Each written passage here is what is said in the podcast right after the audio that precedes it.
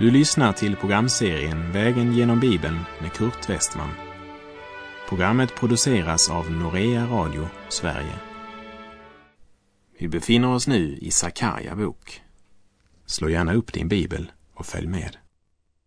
På vår långa vandring Vägen genom Bibeln så har vi hunnit till profeten Sakarja bok. Sakarja det betyder Herrens åtanke eller Herren tänker på eller Herren kommer ihåg. Sakarja samlar kärnan i alla tidigare profetiska budskap och lyser med gudomlig klarhet som en profetisk strålkastare som mycket tydligt lyfter hela Gamla testamentets budskap in i en nytestamentlig dimension. Han började sin verksamhet två månader efter Hagai och hans bok består av många innehållsrika syner som sammanfattar det mest väsentliga av Guds rike i alla tider. Vi får veta att han är son till Berekja och Berekja betyder Herren välsignar. Och Sakarja farfar, han hette Iddo, som betyder den fastställda tiden. Herren tänker på, Herren välsignar, den fastställda tiden. Dessa namn med sin innehållsrika betydelse säger ganska mycket om den tröst och uppmuntran som Gud gav den lilla rest som hade återvänt till Jerusalem efter fångenskapet i Babel. Herren kommer ihåg och välsignar på den fastställda tiden. Även om Sakarja var ett ganska allmänt namn bland hebreerna på den tiden. Gamla testamentet nämner faktiskt 28 olika Sakarja men det är många bibeltolkare som identifierar Sakarja i profeten Sakarja bok med den Sakarja som Jesus omtalar i Matteus 23.35. Han som blev martyr. Han blev mördad mellan templet och altaret. Något annat som är värt att lägga märke till det är att Sakarja bok praktiskt sett avslutar det gamla testamentet. Den är ju den näst sista boken i Gamla testamentet. Och vi lägger märke till att Lukas evangelium i Nya testamentet börjar kronologiskt med att Lukas beskriver en annan Sakarja som i den grekiska översättningen kallas Sakarias, men det är alltså samma namn. Och jag påminner om att Sakarja betyder Herren kommer ihåg och hans hustru Elisabet som betyder Gud är ed eller Guds ed. Sakarias var en präst som när han tjänade vid rökofferaltaret fick se en ängel uppenbara sig för honom med ett budskap från Gud. Efter 400 års tystnad så talar Gud. Än en gång skedde det att Gud kom ihåg sin ed. Sakarja profetior blev skrivna år 520 f.Kr. Sakarja verkade alltså vid samma tid som profeten Hagai, även om Sakarja tydligen var mycket yngre. För i Sakarja 2, vers 4 där den ängel som står inför Sakarja får följande order av en annan ängel. Skynda iväg och säg till den unge mannen Jerusalem ska ligga som en obefäst plats på grund av den stora mängd av människor och djur som finns där inne. Och den som omtalas som den unge mannen det är alltså Sakarja. Ängeln kallar Sakarja för den unge mannen. Och i Esra kapitel 5, vers 1 läser vi.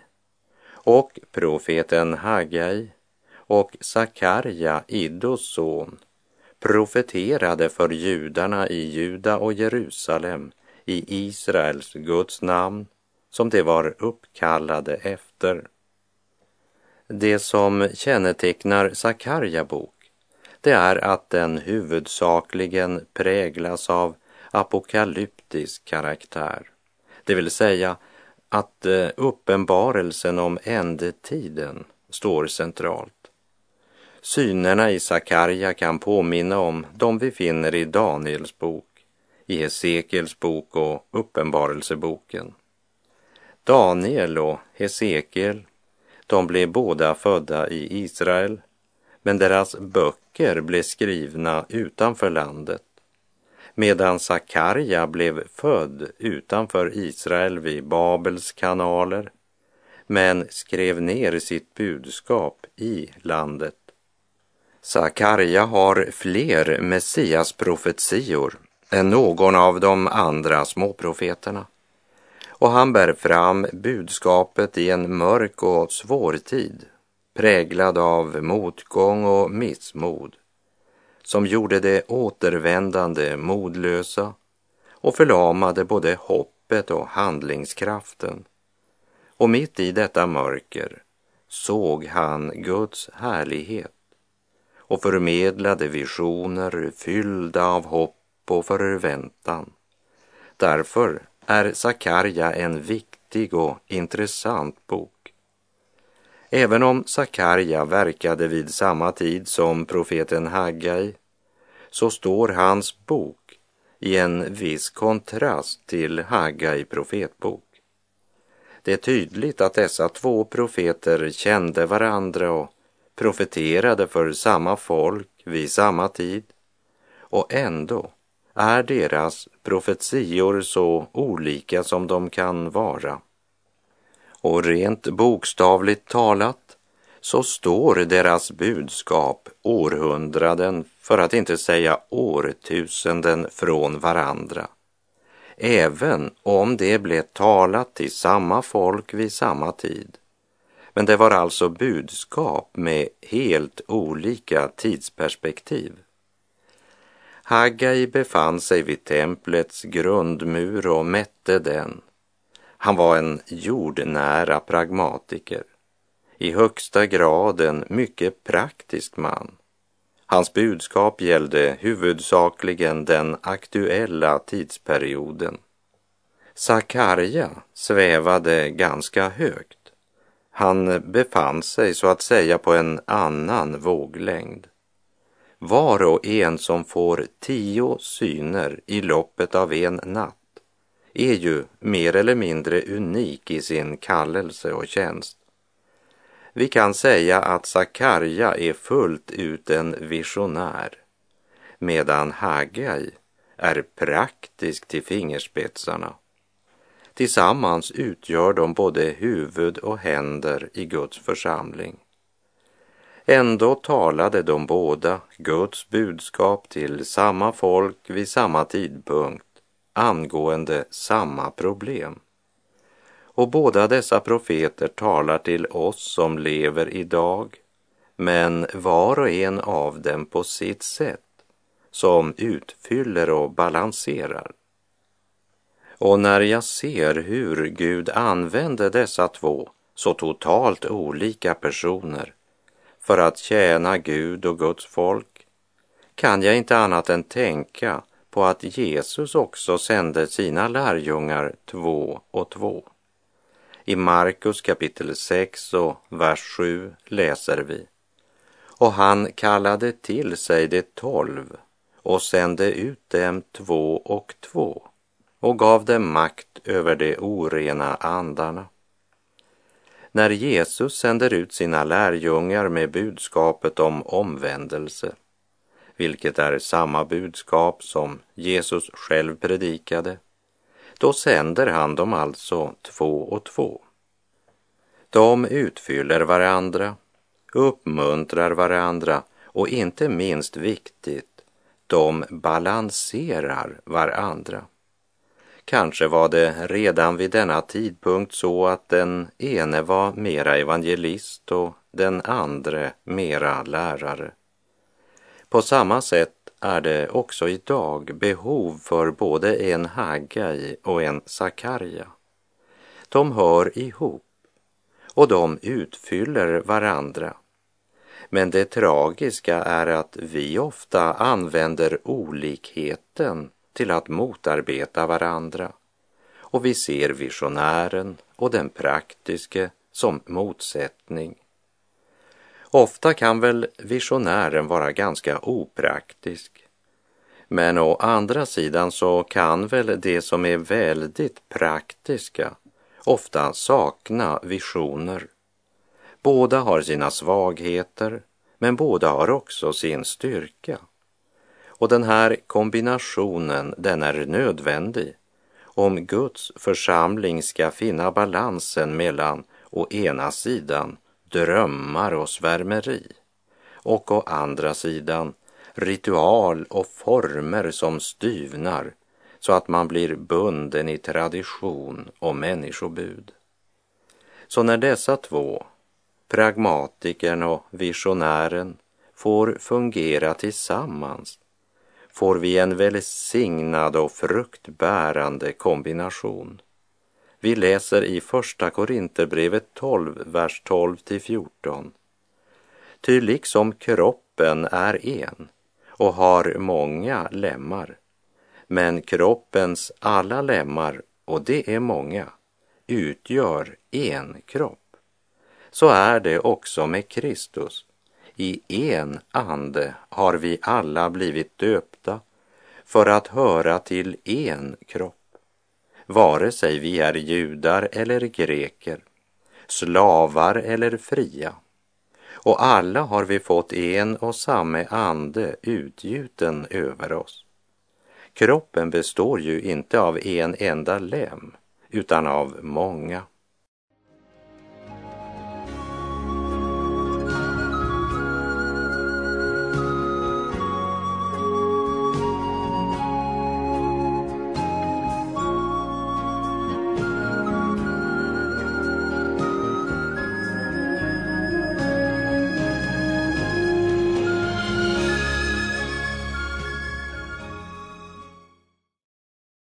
Sakarja kapitel 1 handlar å ena sidan om framtidsvisioner som ligger långt fram i tiden.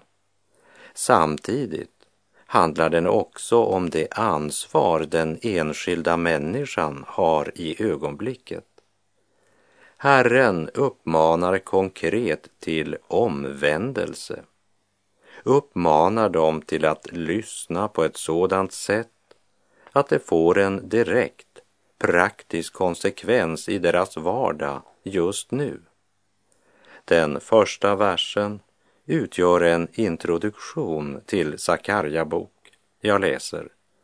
I åttonde månaden av Darejaves andra regeringsår kom Herrens ord till profeten Sakarja, son till Berekia, son till Iddo tiden stadfästs med hjälp av en hednisk kung eftersom det inte fanns någon kung i Israel vid denna tid. Det handlar om en period då en rest av Israels folk skall få återvända till sitt land efter 70 års fångenskap i Babylon. Det handlar alltså om den tid då hedningarnas tid håller på att utvecklas. Det finns inte längre någon av Davids ett på Israels tron och det är i kung Darejaves andra regeringsår och Sakarja profeterade för den rest som återvänt för att återuppbygga Herrens tempel. Vi lägger märke till att initiativet kommer från Gud, inte från Sakarja. I åttonde månaden av Darejaves andra regeringsår kom Herrens ord till profeten Sakarja. Kom Herrens ord. Det är samma uttryck som Haggai använde.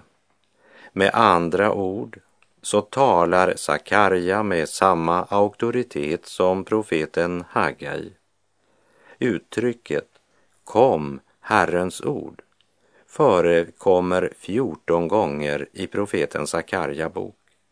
Och eftersom Sakarja bok har 14 kapitel förekommer alltså uttrycket i genomsnitt en gång per kapitel. Vilket säger oss att denna bok fokuserar mycket klart på Herrens ord. Andra versen börjar med den varning Gud gav folket genom profeten Sakarja. Och med samma auktoritet som Haggai talar han Herrens ord och varnar den rest som återvänt att inte följa i sina fäders fotspår. För det var ju fädernas synder som hade fört folket bort i fångenskap till Babel. Det var inte bara templet som skulle återuppbyggas. Men det viktigaste, det var att Gud fick göra något nytt i deras hjärtan. Vers 2 säger, Herren var vred på era fäder. Sakarja påminner folket om att orsaken till att de varit tvungna att leva i fångenskap i Babel, det var att deras fäder hade vänt Gud ryggen och levt i synd. Därför varnar han dem för att göra samma misstag som fäderna. Sakarja kapitel 1, vers 3. Säg därför till folket, så säger Herren Sebaot, vänd om till mig, säger Herren Sebaot, så ska jag vända om till er, säger Herren Sebaot. Herren Sebaot, denna titel för Gud, det blir så lätt för en kliché för den som hört det uttrycket ofta. Låt mig ge dig ett exempel som Sven Reichman berättade i Skellefteå. En man som var sjömanspräst i Göteborg på 60-talet berättar att en ung man som för första gången var i en kyrka, han kom fram efter gudstjänsten på sjömanskyrkan och sa det där du sa i början av gudstjänsten var väldigt starkt. Prästen ville ju gärna veta vad det var som hade gjort så starkt intryck på den unge mannen och han försökte återge sin predikan bit för bit. Nej, sa den unge mannen, det, det var inte det. Nej, nej, inte det heller. Efter en ganska lång stund kom han fram till vad det var som hade gjort ett sådant intryck. Och det var helt enkelt inledningsorden